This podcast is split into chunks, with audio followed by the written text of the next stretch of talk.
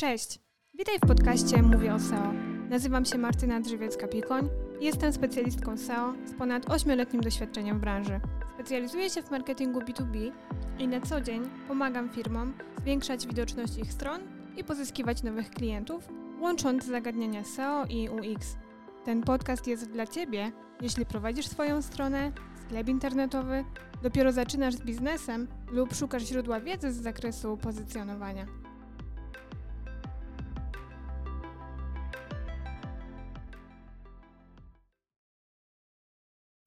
Cześć, witam Was w kolejnym odcinku mojego podcastu.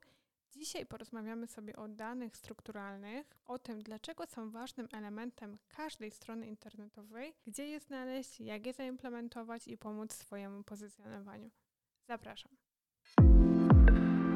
Dane strukturalne nazywane są też schema markup, schema org czy mikrodane. Tak naprawdę są to pewnego rodzaju znaczniki HTML, które pomagają wyszukiwarkom lepiej zrozumieć zawartość naszej strony czy sklepu internetowego. Wykorzystanie danych strukturalnych na Waszej stronie czy sklepie może poprawić jej widoczność, atrakcyjność w wynikach wyszukiwania, tym samym poprawić UX oraz ilość wejść na stronę, zwiększyć po prostu na niej ruch i współczynnik konwersji. Ale żeby najlepiej Wam to zobrazować, te dane strukturalne, najczęściej które Wy widzicie, to są innymi gwiazdki czy opinie, czyli szukacie odpowiedzi na jakieś pytanie, widzicie jakiś wpis blogowy w wynikach wyszukiwania i widzicie ilość gwiazdek. Macie dwa wpisy blogowe do wyboru, w jednym widzicie, że jest ocena 4,9, 55 oddanych głosów, a na drugim nie ma nic. Najprawdopodobniej wybierzecie te wyniki, w których widoczne są gwiazdki, tak zwane rich snippet.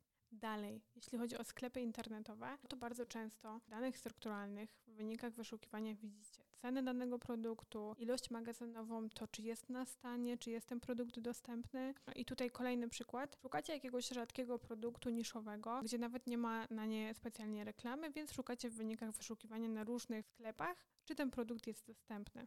I dzięki danym strukturalnym zobaczycie już na poziomie wyszukiwarki, czy produkt się skończył, czyli na przykład zobaczycie informację brak w magazynie. I nie musicie wchodzić na każdą kolejną stronę, na każdy sklep, żeby sprawdzić, czy ten produkt faktycznie się skończył, czy jest jeszcze dostępny. Przejdźmy sobie do tego, jak w ogóle zaimplementować te schema i gdzie je znaleźć.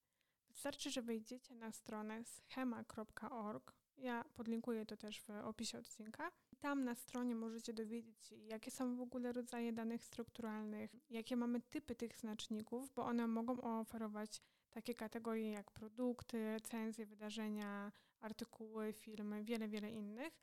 Więc jeśli chcecie zaimplementować dane strukturalne na swoją stronę, wejdźcie sobie na schema.org i sprawdźcie, jakie w ogóle macie możliwości i dopasujcie dane strukturalne do Waszej strony czy sklepu internetowego, czyli to, co uważacie za ważne, to, co może się przydać użytkownikom, a następnie wypiszcie sobie te rzeczy, które chcecie później zaimplementować na stronie.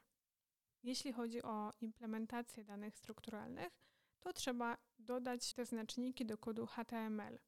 Te schema są najczęściej umieszczane jako dodatkowe atrybuty w tagach HTML różnych elementów, które opisują dane, czyli na przykład jak ten opis produktu, jakieś recenzje czy wydarzenia.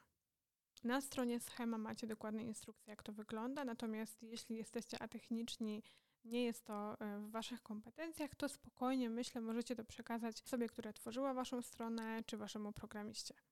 Kiedy już dodasz do swojej strony te dane strukturalne, to pora sprawdzić, czy są one widoczne i czy wszystko działa dobrze. I tutaj bardzo ułatwia nam to Google, który ma specjalne mini narzędzie do testowania danych strukturalnych. Link zostawię w opisie. Wystarczy, że wkleicie tam adres swojej strony internetowej i przejdziecie taki test wyników z elementami rozszerzonymi, gdzie program pokaże Wam, jakie dane strukturalne są widoczne na stronie i jak to wszystko wygląda i ewentualnie dowiecie się, czy są jakieś problemy i czy możecie coś poprawić.